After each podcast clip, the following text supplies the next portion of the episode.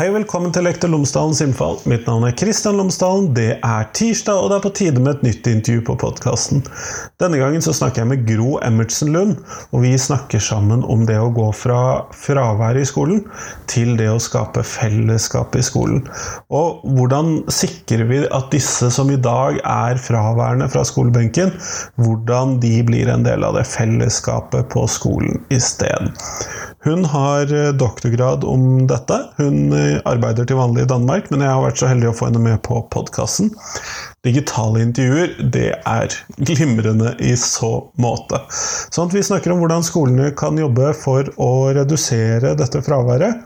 og eh, hvorfor det er så viktig at vi klarer å løse denne problemstillingen for de elevene det gjelder, som jo dessverre er ganske mange.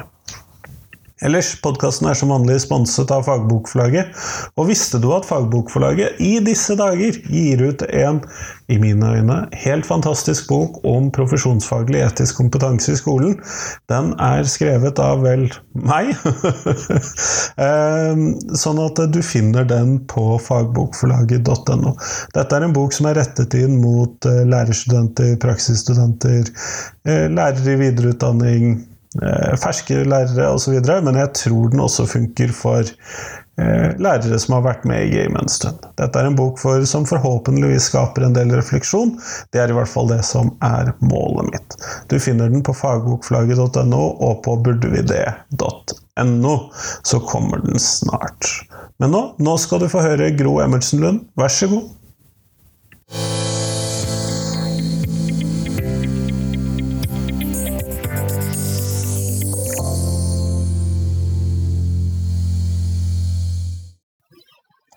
Gro Emmertsen Lund, tusen takk for at du har tatt deg tid til meg i dag. Selv takk, det er en fornøyelse å være med. Før vi kommer helt i gang, så hadde jeg håpet at du kunne fortelle lytterne mine tre ting om deg selv, sånn at de kan få bli litt bedre kjent med deg. Ja.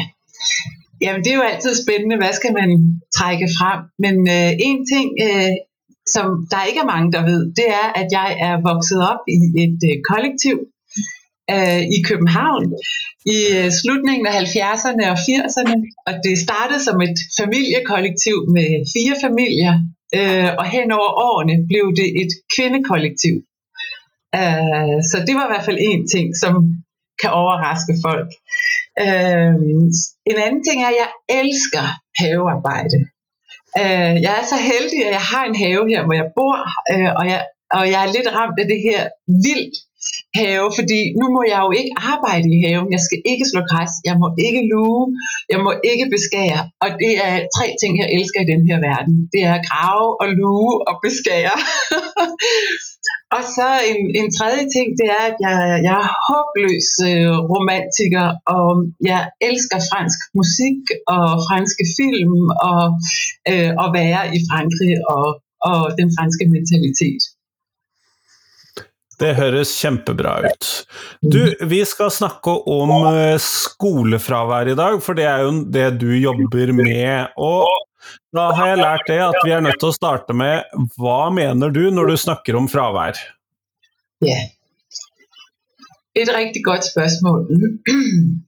Øhm, der finnes så forskjellige definisjoner av fravær, og så mange begreper. Vi har nesten å gjøre med et begrebs-overload. Øh, Øh, skolefravær er det begreb, jeg foretrækker øh, at bruge, men det dækker jo over rigtig mange variationer øh, af det ikke at være i skole. Øh, så man kan sige, fravær, sådan som jeg ser det, det er ikke at være i skole. Øh, og det kan man jo så ikke være ved, at man ikke er mødt op med sin krop. Man kan også være fysisk til stede, men mentalt fraværende eller ikke aktiv i det, der foregår i skolen. Og på sin vis kan man godt tale om det som en form for fravær også. For fraværets modstykke, det er jo øh, aktiv involvering, deltagelse, fællesskab, skoletilhør. Det er at være en del af det, der foregår. Det er fremmøde. Så du skiller ikke mellom f.eks. Eh, eh, skulk, eller da sånn 'jeg gidder bare ikke å gå på skolen', og eh, de som sitter hjemme og ikke klarer å komme seg på skolen? Mm. Øh, I min øh, bog øh, Fra fravær til fællesskab fra øhm, øh, øh, 2021, der, der gennemgår jeg de forskellige fraværsbegreber, men fra et diskursivt perspektiv. Øh, så jeg undersøger, øh, hvad forstås i forskning og i praksis, for eksempel med, med begrebet skulk, der, der på dansk jo hedder pjek. Øhm, og der ligger jo nogle medbetydninger der, at øh, barnet eller den unge ikke gider gå i skole, øh, øh er dårligt opdraget, ikke er nok disciplineret, ikke har en følelse af forpligtelse. Altså, jeg er da ligeglad med, at de voksne synes, jeg skal gå i skole. Øh, så det er nogle meget negative positioner til den unge eller til barnet, som det begreb giver. Samtidig giver det jo også nogle positioner til forældrene, nemlig at de har ikke øh, holdt godt nok øje med deres øh, barn. Øh, de ved ikke engang, at barnet ikke er i skole. De er uopmærksomme eller ikke omsorgsfulde. Fordi det, der ligger omkring begrebet skuld, altså en definition i forskningen, det er jo, at barnet er ikke i skole, men forældrene tror, det er i skole. Øh, så der ligger nogle, nogle negative positioner til forældrene, og så kan man jo indirekte også sige, at det, det heller ikke stiller skolen særlig godt. Øh, fordi begrebet jo peger på barnet. Der er noget galt med barnet, siden barnet ikke kommer i skole. Og det er en af de her blinde vinkler, som jeg, jeg i hvert fald mener har øh, været med til at skabe en situation, hvor man ikke har tænkt skolefravær som et skoleproblem, men som et, et individ eller et familieproblem eller et socialt problem. Og, og på den måde øh, kan man også kigge på begrebet skoleværing eller langvejt ufrivilligt skolefravær, øh, som jeg øh, foretrækker at tale om, men det almindelige begreb er jo skoleværing, og det gør det samme som skulk. Det placerer problemet i barnet. Der er noget galt med barnet, siden barnet ikke kan gå på skole. Se, skulk er jo, der er noget galt med barnet, siden barnet ikke vil i skole. Så der er noget med, at begreberne kredser om motiver. Kan barnet ikke gå i skole, eller vil det ikke? Og der tænker man typisk i den traditionelle forståelse, at det er utrolig vigtigt at finde ud af, om barnet ikke kan, eller om barnet ikke vil. Det udfordrer jeg en lille smule i min bog, fordi jeg via min empiri ser, at det mixer sig. Øh, at skole, væring og skulk i, i mange cases afløser hinanden i nogle hurtige temposkift. Så den ene dag gider barnet ikke, den anden dag kan barnet ikke, den tredje dag gider barnet ikke, den fjerde dag kan barnet ikke. Men at det er lidt forskelligt, hvordan barnet udtrykker sig. Øh, det er lidt mere sejt at være øh, den store dreng på 16 år, der siger, jeg gider ikke skolen, end jeg har det så dårligt i skolen, eller jeg bliver mobbet i skolen, eller jeg har læringsvanskeligheder i skolen. Det er ikke særlig sejt at sige, når man er 16 år. Øhm, så der er noget med narrativer og selvforståelse øhm, og positioner, altså offer, skurkeroller, der knytter sig til de her begreber. Så jeg prøver at skrive mig ud af det ved at sige, lad os bare tale om skolefravær, for så åbner vi feltet, i stedet for at kategorisere og lukke feltet, eller indsnævre. Mm. Mm. Men når vi da tar oss og ser på eh, skolefravær på denne måten, og vi ser på det som et individuelt problemstilling, er det i seg selv med på å redusere hva skal vi kalle det, legitimiteten til det å være borte fra skolen, slik du tenker det? Ja, ja det kan man si. Altså, jeg, jeg tenker at vi har gjort det med skolefravær, som vi også har gjort med mobning og med nu mistrivsel. Vi kommer til at individualisere sociale fænomener. Altså, øh, vi ved fra nyere mobbeforskning, at dem, der bliver mobbet, ikke selv er skyld i, at de bliver mobbet. Det er ikke fordi, at de er svage, eller, som tidligere mobbeforskning jo pegede på, eller øh, afviger fra normalen. Det er ikke derfor, de bliver mobbet, men det er det, de bliver mobbet med. Vi ved også fra nyere mobbeforskning, at hvem der lige er mobberen, altså bliver mobberen, øhm, kan være foranderligt fra situation til situation. Det er et kommunikationsmønster, hvor forskellige elever spiller forskellige roller. Mobber, offer, vidner, medløber, øhm, redningsmand eventuelt, dem der får stoppet. Så lad nu være med at være efter ham hele tiden. Så er der en, der tager opgaven som, som redningsmand. De positioner er flydende. Det er faktisk noget, vi er blevet opmærksom på med nyere mobbeforskning. Vi har haft en tendens, og den findes jo stadigvæk, til at individgøre, altså individualisere et socialt eller kontekstuelt fænomen. Og det er lidt det, der også øh, har været tilfældet fra mit perspektiv med fravær. Så vi har haft en tendens til at kigge på det barn, det barn, det barn, eller den gruppe af børn, den gruppe af børn, den gruppe af børn. Øh, hvor vi kommer til at individualisere noget, som faktisk bor i systemet, eller i måden, vi driver skole på, måden, vi tilbyder børn og unge oplæringsforløb på. Og det synes jeg er tageligt. Øh, jeg synes også, det er farligt, øh, og jeg synes, at vi skal passe på med hele den her individualiseringstendens, vi har i vores samfund. Særligt nu, hvor vi ser i Norden øh, en kæmpe stigning i børn og unges mistrivsel, ensomhed, øh, kedsomhed på skolen. Øh, hvis vi kun kigger på det enkelte barn, jamen så placerer vi jo også ansvaret der. Du skal rette dig. Du skal være mere robust. Du skal klare øh, livet, som livet er. Øh, og vi glemmer, at vi har et ansvar for, hvilke fællesskaber vi tilbyder.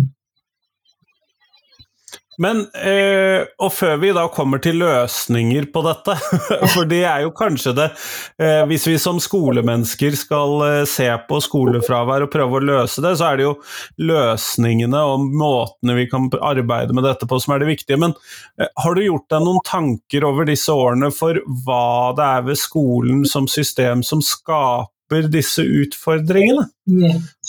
Jeg har gjort mig mange tanker omkring det, øh, og har selvfølgelig også nogle hypoteser.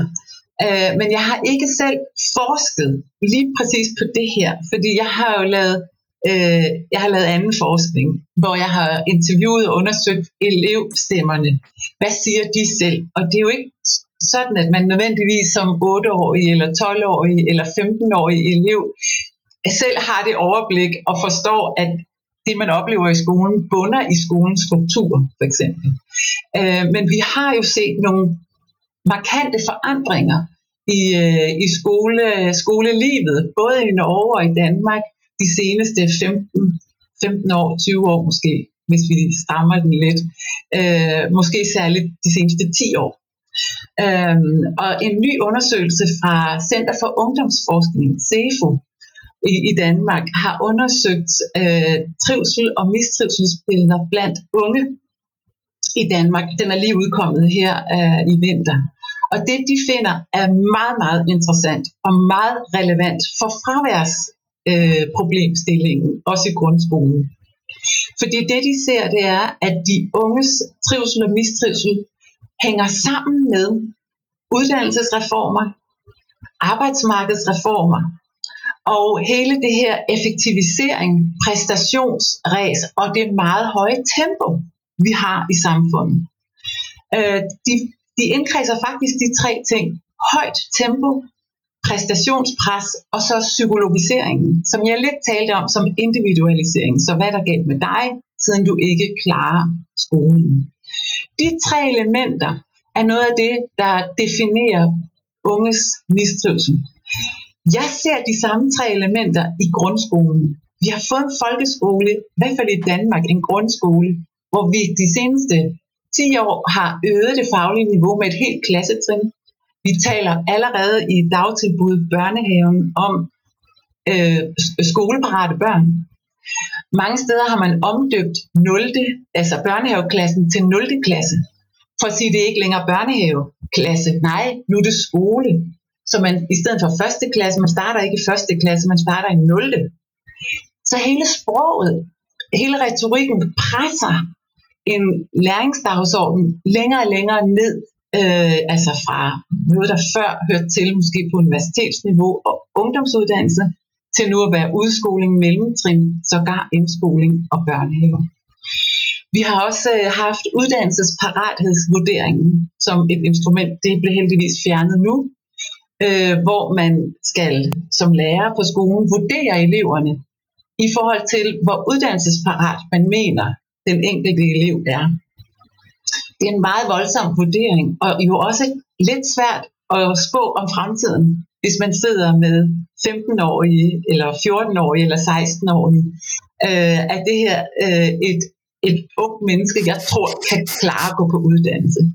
Øh, så hele tanken om standardisering, test, undersøgelse, målinger, psykologisering, udredninger på individniveau, hvad der galt med det enkelte barn, øh, mener jeg har været med til at skabe øh, skoleleden, skoletræthed, skoleangst. Øh, det, er, det er ikke sådan, øh, vi skal tilbyde børn opvækst og oplæringsmuligheder. Øh, øh så jeg ser et systemisk problem her, eller et systemproblem her. Og da er jo eh, spørsmålet, eller kanskje det neste trinnet i det, en sånn naturlig utvikling i samtalen her Når du da snakker om fellesskap, og det er jo et sted vi skal komme eh, Hva tenker du at kjennetegner dette fellesskapet?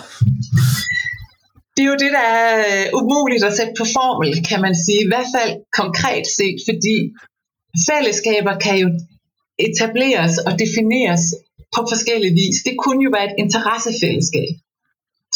Øh, den måde, vi laver fællesskaber på i skolen, er jo et aldersfællesskab. Så dem, der er øh, 6 år, de skal gå på øh, 0. klasse. Dem, der er 7 og 8 år, de skal gå på 1. klasse osv. Så vi har jo egentlig tænkt det som en alders, et aldersfællesskab. Vi kunne jo kigge på, hvilke interessefællesskaber vi så har i den klasse. Og øh, hvordan kan vi brede det ud, sådan så at vi får for, altså, elevernes eller børnenes egen motivation, nysgerrighed, læringslyst og læringsglæde sat i centrum. Øh, og bruger det som drivkraft for at etablere fællesskab. Øh, der findes jo også mobbende fællesskaber, ekskluderende fællesskaber, der findes fællesskaber omkring øh, øh, kriminalitet, gadefællesskaber, bandefællesskaber. Så fællesskab i sig selv øh, kan noget og kan skabe noget for dem, der er en del af den. Men det er ikke alle fællesskaber, vi som samfund øh, synes er gode at have, for eksempel øh, kriminelle fællesskaber eller bandefællesskaber. Øh, så der har vi jo en, en, en, en opgave, kan man sige, at vi sørger for, at der er tilstrækkeligt mange forskellige og positive fællesskaber, som vi kan tilbyde børn og unge. Men når vi da skal skape disse fællesskapene, hvordan, eh, hva tenker, hvordan skal vi gå fra fravær til fællesskap, da? Ja, Jamen, det, er, det er et godt spørgsmål, fordi det er jo den bevægelse, jeg i hvert fald påpeger, vi har brug for. Øhm, hvad trækker børnene i skole? Hvorfor går de i skole? De børn, der går i skole, og som er glade for at gå i skole, hvorfor kommer de? Det er der jo lavet nogle undersøgelser på, og primært er det jo for at være sammen med vennerne, for at være sammen med kammeraterne, for at have det sjovt. Øh, det er det, som mange børn siger, når de bliver spurgt. Det er sjovt at gå i skole. Hvorfor er du glad for at gå i skole? Fordi det er sjovt. Så kan man sige, jamen skal det så være sjovt hele tiden? Og er det også sjovt at lære om grammatik og matematik og ting, man ikke interesserer sig for? Det behøver jo ikke altid at være sjovt, men er det sjovt en gang imellem? Kan man grine og lege og udfolde sig selv og få mestringsoplevelser, så plejer det også at være sjovt. Og det er jo det, der er så interessant med, hvordan sproget forandrer sig. Når vi voksne siger, hvor har vi det sjovt? Jeg er ikke sikker på, at man siger det på norsk. Cool, koseligt. Eh, gøy. Gøy, ja. Vi har det så gøy, så er det som regel noget, der ikke er vigtigt. Men fordi det vigtige er jo at arbejde, at producere, at skabe nytte. Men for børn, når de lærer noget, så siger de tit, ej, det var sjovt, fordi nu kan jeg noget, jeg ikke kunne før. Øh, så hvis vi kan tilrettelægge nogle fællesskaber, nogle oplevelser i skolen, hvor de oplever, at det er sjovt at lære noget, så har vi en kæmpe drivkraft for at komme i skole. Omvendt, hvis de oplever nederlag, det er for svært, de forstår ikke instruktionen eller opgaven. Øh, de har måske brug for noget hjælp, som de ikke kan få. Det kan være, at de har dysleksi eller koncentrationsvanskeligheder eller nogle andre ting, som gør, at lige netop de har brug for en anden måde at lære det her på, og den tilbyder vi ikke. Jamen, så får de det ikke sjovt. Så får de det slidsomt. Så slider de. Og nogle af de øh, elever, jeg har interviewet i min bog, uh, Alexander blandt andet, som er 16 år, da jeg interviewer ham, han fortæller om et langt skoleliv, hvor han har slidt. Det har været slidsomt, og det har været svært, og han har ikke forstået, hvad det var, han skulle, og han er kommet fagligt bagud.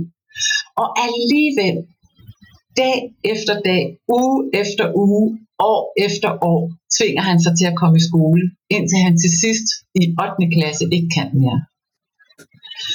Øh, han har en kæmpe robusthed og en kæmpe øh, for, følelse af at være forpligtet. Øh, det er den, der trækker ham med hårene i skolen, selvom han har det så dårligt i skolen. Jeg har også interviewet Alexanders lærer, og Alexanders lærer er fantastisk og dygtig og øh, vil det bedste for Alexander, men hun ser ikke hans robusthed og hans forpligtethed. Hun ser kun hans fravær. Hun ser kun, at han, han engagerer sig ikke. Han sidder med hætten over hovedet. Han virker øh, ligeglad. Øh, så hun, hun ser kun det, man kunne kalde ikke øh, passende elevhed. Og Alexander har så meget brug for at blive mødt på, jamen jeg er her jo. Prøv at se, jeg stod op af min seng, og jeg sidder her nu. Og blive anerkendt for, for den overvindelse. Øh, dag efter dag, uge efter uge år efter år. Hans problemer starter allerede i 3. klasse, og det er først på 8. klasse, at det begynder at blive så slemt med hans fravær, at skolen forstår, at der er en fraværsproblematik, men den har stået på i årvis for ham, fra hans perspektiv. Så der er noget her, der er spændende. Øhm, ja, men, og der beskriver du en situasjon som skolen rett og slett ikke har klart å fange opp. Men hvis noen da har en skolefraværsproblematikk over år, hvordan kan man klare å unngå å se det? Ja. Jamen, jeg tror igen, det handler om det her individperspektiv. Hvad er der galt med Alexander? Hvorfor er Alexander ikke interesseret i undervisningen? Hvorfor keder han sig? Øh, er der noget galt med ham? Er der noget galt derhjemme? Og det fører jo også til, at Alexander skal igennem forskellige udredninger. Øh, fordi skolen mener, og forældrene tror på det, at der må være noget galt med Alexander. Når man spørger Alexander selv, så fortæller han om episoder i indskolingen på en gammel skole, for han skiftede skole på grund af mistrivsel, med både mobning og meget skæld ud blandt de voksne, øh, mange hårde i rettesættelser, også fysiske i rettesættelser, øh, og læringsvanskeligheder, som han ikke blev mødt på. Se, hvis vi vil forebygge fravær og vende tænkningen til at tale om fællesskab, så er det jo utrolig vigtigt, at vi kan etablere et klassefællesskab, hvor vi får blik for at opdage det, man kan kalde usynlige eksplosionsprocesser usynlige faglige eksplosionsprocesser og usynlige sociale eksplosionsprocesser. Og, og det kræver jo faktisk, at man sætter undervisningen i baggrunden og dialogen i forgrunden. Eller elevperspektiverne i forgrunden. Så Alexander, hvad er du optaget af? Hvad interesserer dig? Jamen, jeg kan lide at skate øh, på gaden, eller jeg kan lide at spille øh, computerspil. Og man så bruger det de ressourcer, barnet har, de interesser, barnet har, også i gruppen. Så Alexander, du er jo så god til at skate. Kunne vi få noget af det ind i det her undervisningsforløb? Om fysik for eksempel, fremdrift og modstand og balance og så videre. Og det er altså en anden måde at tænke undervisning og læring på, fra at jeg som underviser formidler noget stof, som lærerne skal, eller eleverne skal tilegne sig, og som jeg så kan teste dem i. Og her har vi jo den problemstilling, at det er jo ikke den enkelte lærer længere, kan man sige, der bestemmer, hvad der foregår i undervisningsrummet. Fordi vi har lavet så stram en målstyring omkring skolen, og så utrolig mange læringsmål, og så fastlagte øh, standarder for, hvad eleverne skal kunne, at vi får mere og mere teaching to the test. Og så glipper hele dialogen og elevperspektiverne på, hvad, hvad er det, der vil skabe et godt læringsrum. Fordi det er defineret på former. Det høres ut som den skolen du skisserer er en mer praktisk skole, hvis vi da skal ta inn over oss disse elevenes styrker og svakheter osv.?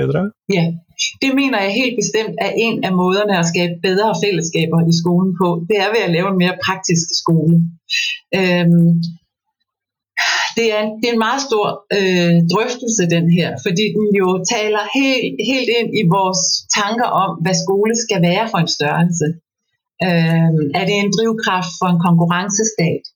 Øh, er det en sikkerhed for, at vi har øh, veluddannede voksne borgere med et demokratisk sindelag, som kan reproducere velfærdssamfundet osv.?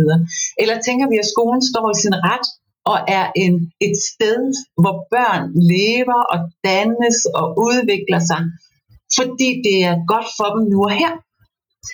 Og hvis det er den måde, vi tænker skole på, så skal den jo være praktisk. Vi skal jo have røre, gøre fag, vi skal have sanderne i spil, musik, æstetik, kunst, kreativitet, udfoldelse, naturhaver, øh, sløjt værksteder, altså træværksteder og lær, fordi vi jo også lærer på anden vis end gennem øh, vores, vores hjerner. Vi lærer også med vores krop. Øh, vi lærer ved at gøre noget, og ved at komme i kontakt med materialers materialitet, altså mad og jord og planter og træ og lær. Øh, den stoflighed, og vi former, vi bearbejder, vi brænder leret, vi lærer noget om høje temperaturer og hvordan ting kan forandre sig. Altså, det er jo sådan, vi har bygget vores verden op. og i hvert fald i Danmark har vi taget rigtig meget af det ud af skolen. Øh, ligesom vi desværre også har taget øh, morgensang ud og lejerskoler, øh, som man øh, i gamle dage kunne komme to eller tre gange på lejerskole i løbet af en skoletid.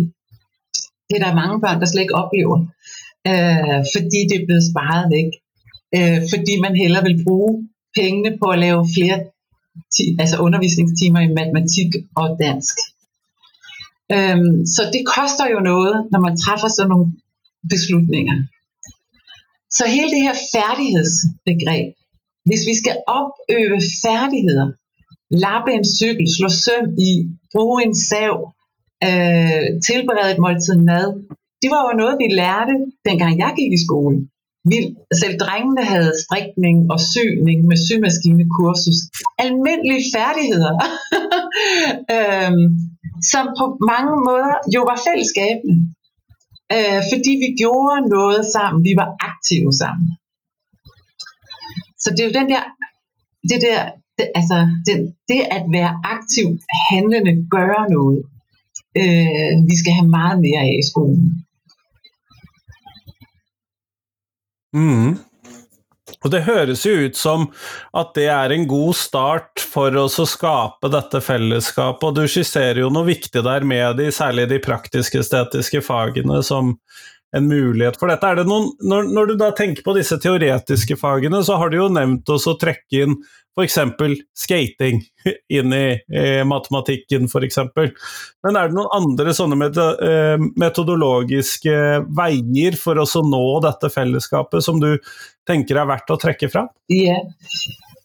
Ja, altså øh, vi kommer lidt ud, uden for mit forskningsområde, men jeg har jo en baggrund som skolelærer. øh, altså jeg kan jo trække lidt, lidt på, på noget af det, som øh, altså hele tankerne om didaktik øh, og tværfaglighed og øh, projektbaseret undervisning eller problembaseret undervisning eller værktøjs, værkstedsundervisning. Øh, Co-teaching kan også være en måde at kombinere noget på. I det øjeblik, vi skal til at kombinere nogle fag, eller kombinere nogle didaktikker eller metodikker, så opstår der jo ofte et mere differentieret læringsrum. Og når jeg taler om det her med det praktiske, så er det jo også for at tilgodese øh, de mange læringsstile, altså de mange måder at lære på. Ikke kun sådan, at og det de pigerne er så gode til at sidde stille og læse en bog, og drengene skal ud og tumle og bruge sin krop. Det er jo en meget kønnet kategorisering. Øh, selvom piger måske i nogle sammenhænge kan have lettere ved at sidde stille i lang tid, så profiterer de i lige så høj grad af at grave i jorden eller male et maleri. Øh, så ja, her der, der er jeg lidt gået et skridt videre i forhold til barnets interesse, men mere den alsidighed, hvormed vi, vi bliver til mennesker, uanset køn og interesser. Øh, så det, det er ikke, fordi jeg har en naiv forestilling om, at alle børn elsker at, at have madkundskab. Men det er, fordi jeg mener, der ligger en dannelse og en alsidighed og, og et mere differentieret læringsrum i et madkundskabslokale. Et andet læringsrum der, end i et øh, dansk lokale, hvis man kan sige det sådan. Så de mange forskellige sådan differentierede muligheder for at tilbyde forskellige læringsanledninger kan i sig selv være fællesskabende, fordi de jo også kan opløse, hvem er dygtig, hvem er ikke dygtig. Jamen, jeg er enormt dygtig til musik, så her har jeg en styrke. Jeg kan ikke finde ud af at spille musik, men jeg er god til historie. Øh, så at vi får bredt feltet ud og gjort fagene ligeværdige.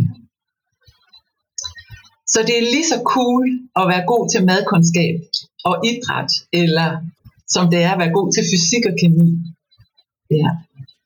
Jeg tror også, det kommer til at tale meget mere ind i hele den der diskussion, vi har lige nu i Danmark, at øhm, uh, alt for mange går på almindeligt gymnasium, og vi har brug for mange flere ude på erhvervsuddannelsen, som jo også er håndværksuddannelser. Så skal vi lave skolen om, fordi lige nu, der uddanner vi i grundskolen primært med henblik på at komme videre i gymnasiet. Der er mange, der kommer igennem en skolegang uden at bruge en hammer. Så hvis vi vil ligestille fagene og ligestille jobs i samfundet, så skal vi også ligestille altså på, på uddannelsesniveau, ungdomsuddannelsesniveau, så er vi nødt til at starte allerede i skolen. Kjempeflott. Jeg kommer til å lenke til boken din i shownotesen til denne episoden, men nå nærmer vi oss slutten, Gro, og da skal jeg spørre deg det spørsmålet som jeg stiller alle jeg intervjuer for tiden, og det er hvilken lærer har gjort størst inntrykk på deg, og hvorfor det? Jamen, det er jo helt forfærdeligt, det er allerede slut det her, fordi jeg havde jo så mange pointer om, om, om, om fravær og fællesskab, men så må man læse i min bog, den sidste halvdel af bogen handler om, hvad kan vi så gøre i skolen? Så det skal jeg skynde mig at sige. Jeg vidste jo, at jeg skulle svare på det her spørgsmål, og jeg havde fantastiske lærere på min folkeskole, min grundskole, så jeg kunne nævne rigtig mange der. For eksempel Jobbe, vores musiklærer, øh, hvor vi aldrig lærte noget, men vi lavede samspil og koncerter, og det var helt, helt utroligt morsomt. Eller Marianne, som var min billedkunstlærer, øh, som inviterede os med hjem i privaten, hvor vi kunne sidde og tegne og male hjemme i hendes hus. Øh, som voksen har jeg også haft fantastiske lærere. Øh, Kenneth Gørgen for eksempel, den store professor i socialpsykologi, eller Peter Dater Larsen øh, var en fantastisk lærer. Og min egen mor har været en fantastisk lærer for mig i mit voksenliv. Så jeg kunne, jeg kunne nævne så mange øh, vidunderlige lærer, og, og lykken som altså at være barn og være sammen med en voksen, hvor man bare har det godt i vedkommende selskab omkring en aktivitet, man interesserer sig for. Det er en unik relation. Kjempeflott. Tusen takk for at du tok deg tid til meg i dag. Jamen, tusen takk fordi jeg måtte. Tiden fløj afsted.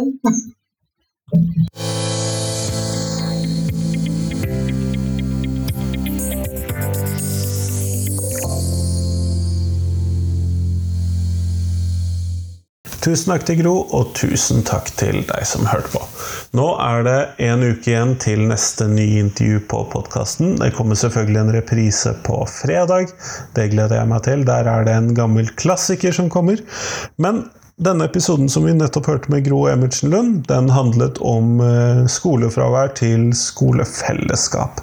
Og da er spørsmålet mitt hvilke andre tematikker innenfor skolevegring, ufrivillig skolefravær, er det viktig at jeg dekker opp i podkasten? Kan ikke du sende meg en e-post på christian.krøllalfa.lektorlomsdalen.no, eller på Facebook, Instagram, whatever. Send meg et tips til hvem du tenker jeg bør prate med, og hva, jeg, hva, du tenker at jeg bør prate med dem om, for å belyse denne tematikken enda mer. Problemstillingen med alle disse elevene som ikke er en del av skolehverdagen, er en alvorlig en for norsk skole, og da er det viktig at vi diskuterer det desto grundigere.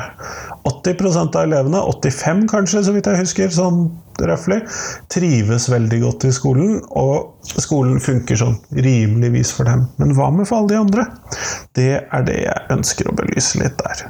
Og jeg håper at vi kan finne noen løsninger. Men send meg en melding, så finner vi mer ut av det. Og så ha en fin uke. Hei, hei.